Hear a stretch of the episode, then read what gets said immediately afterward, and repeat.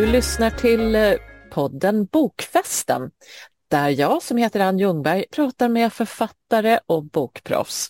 Och idag har jag det jättestora nöjet att ha med mig Karin Ferry. Hej Karin! Nej, hej Ann!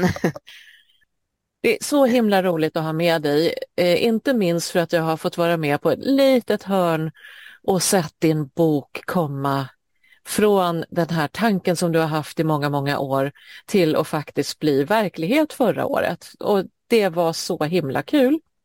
Eh, har du lust att berätta lite om, ja. eh, om själva boken? Ja, det var faktiskt eh, mycket din förtjänst att det blev av att jag publicerade den. Jag har, jag har skrivit eh, jag tittade lite grann på rubrikerna i boken en dag och kom fram till att jag hade hållit på och skrivit i 37 år eh, på den allra äldsta berättelsen och i, två månader på den yngsta. Så att eh, det har pågått länge den där processen och då har jag helt enkelt eh, skrivit ner lite minnen från sånt som jag har upplevt. Ofta har det handlat om lite dråpliga saker, eh, tillkortakommanden som kanske har ordnat upp sig till sist och sådär. Och rätt vad det är hade jag ganska många berättelser. Och jag har ju hållit på och berättat under årens lopp eh, eh på, på scener också. Och, så att många av de här berättelserna har jag berättat på olika håll. Jag har berättat i tio olika länder. Jag berättar på, på svenska och engelska. Och, och, och då har det ju blivit ganska mycket, särskilt på Emerson College. Jag har ofta ursäkta mig, jag har ofta åkt till eh, eh, The School of Storytelling på Emerson College i Sussex, eh, eh, ja, söder om London. Ja. Och där, där har de förnämliga lärare i, i muntligt berättande och hänger alltid med i utvecklingen och sådär. Och, och kurser av alla möjliga längder, från en helg till eh, 12 veckor.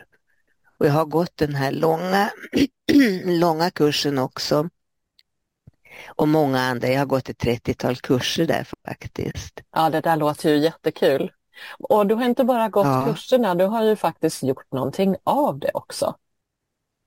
Ja, det, det har ju blivit så. Vi, vi, har haft en skrivarförening i Umeå som heter Umeånejdens skrivare och, och där hade vi en grundaren, Annika Burholm, hon, hon uppmuntrade oss att gå ut och berätta eller läsa på torg och över på massa olika ställen våra berättelser. Och i början var jag väldigt tveksam till det. Jag tänkte, vem skulle vilja höra mina berättelser? Men men man vande in sig mer och mer och så småningom började jag tävla i muntligt berättande också.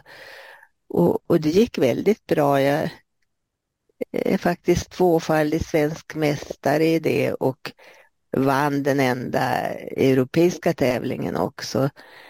Men, men eh, det har varit liksom bara i farten som, som det har skett. Men men just de här framträdandena där vi har gått ut några stycken och berättat, det, det har varit kul helt enkelt. Ja, och glädje är ju en, en bra drivkraft för att fortsätta. Och... Ja, nödvändig skulle jag vilja säga. Ja. Det, det, det, går inte att hålla på om man inte är ett dugg road av det. Men... Så om du eh, blir uppkallad på scenen idag, har du alltid någonting du kan berätta då? Eh, jag vet inte. Alltså om, om jag blir uppkallad i ett offentligt sammanhang, då vill jag gärna ha förberett mig. Dels tänkt ut vad jag skulle berätta och, och dels ja, tänkt efter lite grann hur berättelsen löper så man inte trasslar in sig. Men det är klart att eh, väldigt ofta berättar jag spontant eh, därför att jag kommer att tänka på någonting. Jag, jag har nog berättelser som anknyter till eh, det mesta i tillvaron om jag tänker efter. Men, men då kommer det alltid väldigt spontant bara. Ja, men samtidigt som du då har den här kunskapen om storytelling så du får ju alltid till en knorr på slutet till exempel, har jag hört många gånger. alltså, ja, det... ja, jag tror du har fått in det där i, i ryggraden på något mm. vis. Alltså... Så, ja, och jag tänker på din bok nu som kom ut som heter Brokigt. Ja. Och eh, får jag berätta det att du hade din releasefest för boken i samband med en, din egen hög, högtidsdag? Ja, jag är ju gammal som gatan så jag firade min 80-årsdag med att debutera faktiskt för ett år sedan. Ja, och, jag tycker det är så himla härligt. Det är aldrig för sent. Nej, det är ju sant. Och, och det var bara tio dagar innan eh, restriktionerna släpptes. Det var bara åtta som fick träffas bara tio dagar före festen så att jag hade ingen aning om det skulle bli något. Så det var faktiskt en, eh, en god vän, vice ordföranden i berättarföreningen Berättarnet Norr som på eget bevåg bokade in en lokal i centrala stan och talade med fyra av mina brorsöner och, och mina bröder och tyckte att nu, nu får ni vara festkommitté här och ordna eh, lanseringsfest. Och jag visste ju ingenting, för jag hade liksom kommit av mig genom att eh, de här restriktionerna kom. Jag tänkte det går ju inte att planera någonting då. Nej. Men så plötsligt släppte allting och, och det, det var öppet hus och det, det, kom 70 personer. Det, det, var ju väldigt kul, särskilt som det bara var 80 platser i, i lokalen. Ja men så, gud vad roligt. Mm. Ja, så det blev ju fullsatt helt enkelt. Och, och, och, gamla vänner kom. Det var en del musik och dikter men framförallt var det mängder av berättelser. Och oväntade Bland annat dök det upp en före detta elev till mig i gymnasiet och, och, för hon blev inspirerad när hon hörde andra berätta då, för hon brukar aldrig berätta själv. Och då berättade hon att hon hade, när hon hade mig i svenska i gymnasiet så hade hon missat lektionen och eh, hon var lite äldre för hon hade jobbat några år också så hon hade en fästman som hade körkort och han eh, körde henne till skolan då i dundrande fart och till deras stora häpnad så när de passerade stadsdelen Mariehem då så stod jag vid vägkanten och liftade till samma lektion som hon var på väg till då. Så de plockade upp mig. Och, och det hade jag fullständigt glömt bort men sånt där är ju väldigt kul att bli påmind om. Och, och det var många historier som var av samma typ ofta som en röd tråd att jag hade varit sen. Men, men, det var en väldigt rolig dag. Och, och en god vän till mig, Solja Krapokallio, som flyttat tillbaka till Finland där hon har sina rötter. Hon, hon eh, kom över och var MC då, som var ju en strålande konferencier och höll ihop det hela väldigt fint. Och det här var på eftermiddagen mellan ett och fem. Ja, och du verkar omge dig med andra berättare. Jättekul. Jo, jag, jag känner faktiskt väldigt många berättare i hela världen vid det här laget för att jag har varit på så många berättarkurser och i så många berättarsammanhang. Mm. både i Sverige och eh, England väldigt mycket och, men även andra länder faktiskt. Så att, ja, jag, jag känner nog väldigt många berättare om jag skulle börja tänka efter. Ja, och vi får ju träffa en del, men även lite andra lustiga människor i din bok. Eh, framförallt får vi träffa den här lustiga människan Karin Ferry som råkar ut för allt möjligt. Och du skriver så himla roligt tycker jag. Det är lite avväpnande samtidigt som det blir dråpligt. Du gör aldrig Tackar. någonting för att liksom förhäva eller förstärka. Det behövs inte för dråpligheten finns i varenda berättelse ändå. Så det, ja, det var ju jätte, roligt att höra. Jättekul att läsa tycker jag och det hoppas jag att många hittar till din bok. Du kommer ju ha med den nu på Bokmässan i Göteborg som är om bara någon vecka. Ja, det stämmer. Och där kommer vi också få se dig på scenen vid några tillfällen. Vad vill du prata om på scenen? Kommer vi att få höra lite grann om att lite skapa våra egna berättelser kanske? Alltså jag, jag har faktiskt inte tänkt ut det ännu men eh, jag skulle väl tro att jag ger något smakprov på någon berättelse. Men, men sen eh, tror jag ju att det som kanske är intressant att höra om är precis det du säger. Om man har kanske några tips eh, för berättande. Jag tror ja. ju väldigt mycket på en grundregel när det gäller berättande, nämligen att man gillar berättelsen själv. Det, det, ja, det, det räcker inte med att man tycker det är en bra berättelse. Du, du, kan stöta på en berättelse som du tycker är eh, väldigt fin på olika sätt. Och du, kan, du, du känner ändå inte för att berätta den och, och, och du gör det inte på rätt sätt. Så att du gör varken dig själv eller berättelsen rättvisa när du berättar. Jag frågade en gång eh, eh, Inger-Lise Öllrich som, som bor i Järna och har ordnat stora internationella symposier under årens lopp och många kurser. Jag frågade henne, hur hittar du egentligen dina berättelser? Det var många år sedan och, och jag, jag, jag ville ha tag i berättelser, visste inte riktigt hur jag skulle bära mig åt. Och då sa nej, nej, nej, du hittar inte berättelser. Det är berättelserna som hittar dig, sa hon. Eller hur? Ja. ja, men jag tyckte det där var väldigt konstigt sagt då och förstod inte riktigt vad hon menade. Jag tänkte hur det, går det till då? Men sen eh, under årens lopp så har det där klarnat allt mera att berättelser letar sig fram till dig och plötsligt känner jag men den här, den måste jag berätta. Och, och får du så lust att berätta en berättelse då, då, då är det rätt berättelse att, för dig att berätta. Ja. Och, så att jag, jag funderar inte så mycket på, på vad jag ska berätta utan det har på något sätt löst sig av sig självt att det har kommit till mig då. Du har ju också den här förmågan att se berättelser, eller om det nu är berättelsen som ser dig, i helt vardagliga situationer.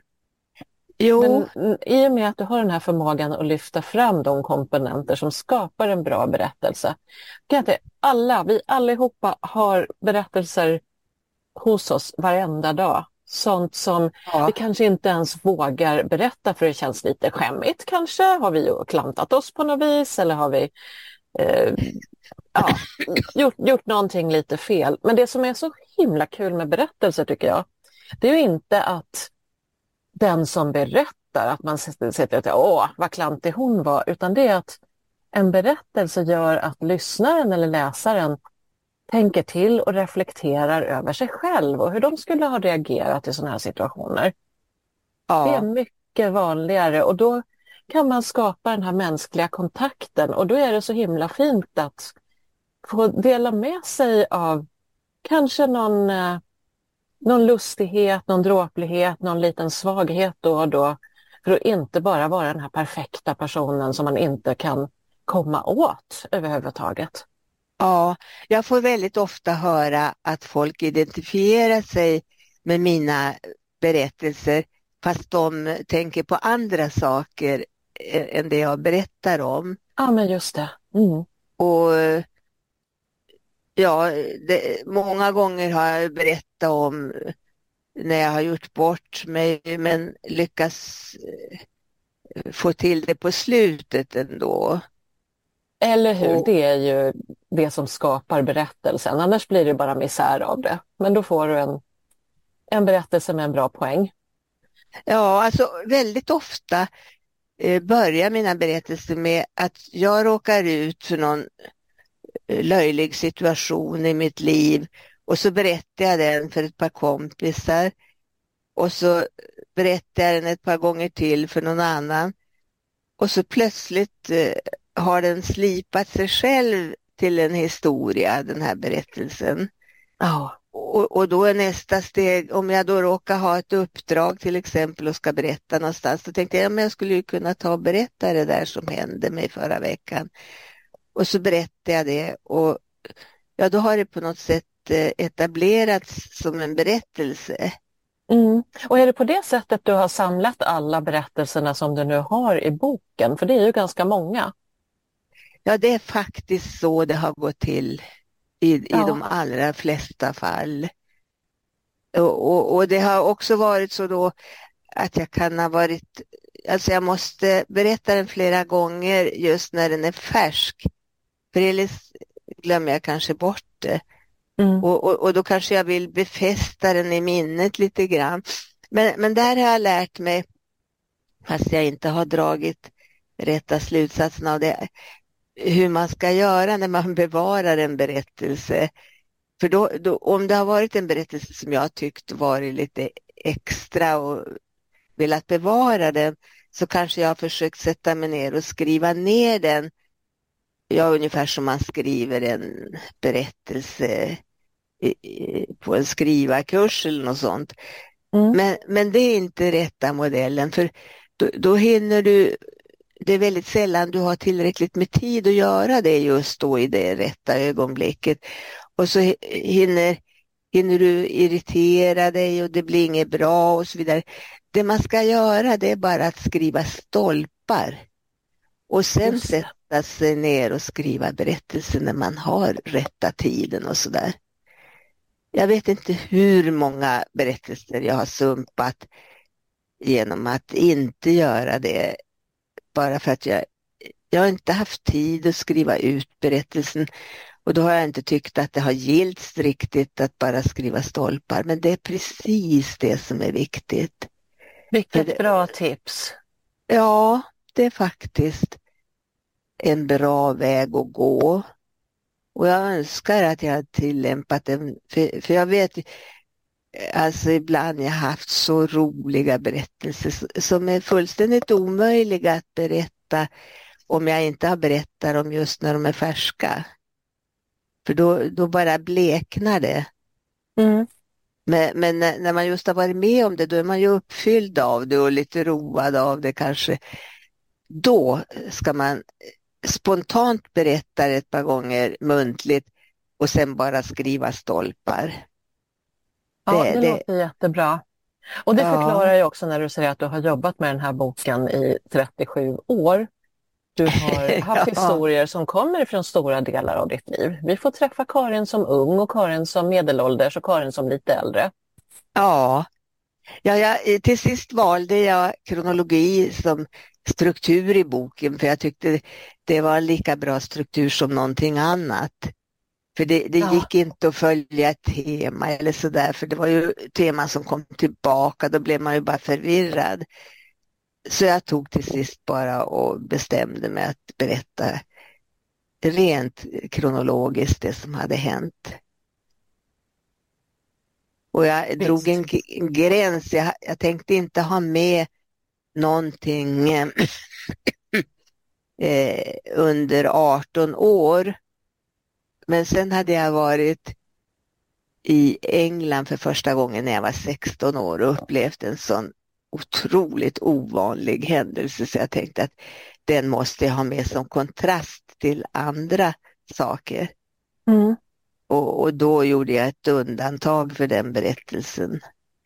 Och sen har jag en berättelse som handlar om ett jubileum fram i livet men den började med när jag var tio år bara och, och då fick det vara så också. Men eljest är allting över 18 år. Ja. Och du har några ja, väldigt roliga historier, eller alla är det tycker jag. Men, eh, till exempel när vi får eh, träffa dig när du vill bli balettdansös. Ja, det är ju min gamla hemliga dröm att få dansa klassisk ballett vill jag så gärna. För jag blev inbjuden när jag var sju år gammal till en jämnårig lekkamrat eh, till balettskolans våruppvisning. Hon dansade ballett och jag var fullkomligt överväldigad av skönheten på scenen. Men jag fick inte dansa för min mamma för att hon hade hört ett rykte att eh, balettskolefrökens man hade haft TBC när han var ung. Och han, hade oj, säkert, oj, ja. ja.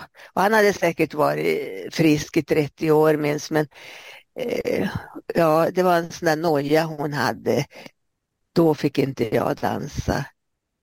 Och, och sen trängde jag mig in i en barngrupp när jag var 32 år gammal och förverkligade den där drömmen. Och, och så började eh, en del dans, eh, olika danser jag ägnade mig åt i flera år gick jag på olika typer av dans. Jag dansade tango och allt möjligt. Men eh, just den här klassiska balletten, det var urdrömmen för mig. Så ja. att, eh, och det blir då sådana här väldigt absurda samtal med kurskamraterna. De var alltså sex och sju år gamla och jag var 32. Och, Helt underbart. Ja, det, det, blev så kul samtal för att de, de blev nyfikna på mig. Att jag tyckte ungefär som dem och hade samma längtan att dansa och sådär. Så att i början tyckte de ju att jag var en stor kuf bara, men ganska snart så fick jag några små eh, närmare vänner i gruppen och ja, jag tyckte det var jättekul. Men eh, ja, sen vrickade jag foten så det blev uppehåll i det hela. Men, och då var det väl dags kanske att lämna också. Men det var väldigt skojigt att vara med om faktiskt. Ja, och, jättekul. Ja, och, och, när det närmade sig vår uppvisning, Blommornas dans, då, då började jag känna lite tveksamhet sådär. Men, men eh, det blev ju inte av då, gudskelov. För då, då skulle de vara tussilagon och jag skulle vara solros. Och jag tänkte det kunde ju ha blivit väldigt komiskt. Men eh, det, det blev aldrig av olika skäl då. Mm, men det blev en väldigt bra historia och det är en av dem som vi kan läsa i Brokigt. 44 ja. berättelser från ditt liv. Ja, boken... det, det, är den äldsta berättelsen jag har ja. faktiskt. Och den boken kommer ju alla att kunna hitta nu på Bokmässan i Göteborg om man inte går till eh, nätbokhandeln eller eh, tar kontakt med dig Karin för att köpa boken. Ja, mm. och, och den finns också på bokhandel här i Umeå i alla fall, på Akademibokhandeln. Precis, och man kan gå in till vilken bokhandel som helst och beställa den. Så att vi lägger här i, i anslutning till podcasten hur man hittar din bok, den riktiga ja. titeln och allting sånt. Ja. Och sen ser jag verkligen fram emot att vi ska få träffas på Bokmässan i Göteborg alldeles strax. Ja, det kommer att bli roligt verkligen. Ja, jättekul. Så stort tack Karin att du ville vara med här idag. Ja, tack ska du ha och tack för all uppmuntran att verkligen publicera de här berättelserna. Ja, men självklart. De är väl värda att bevaras för eftervärlden. tack för det. Mm. Hej.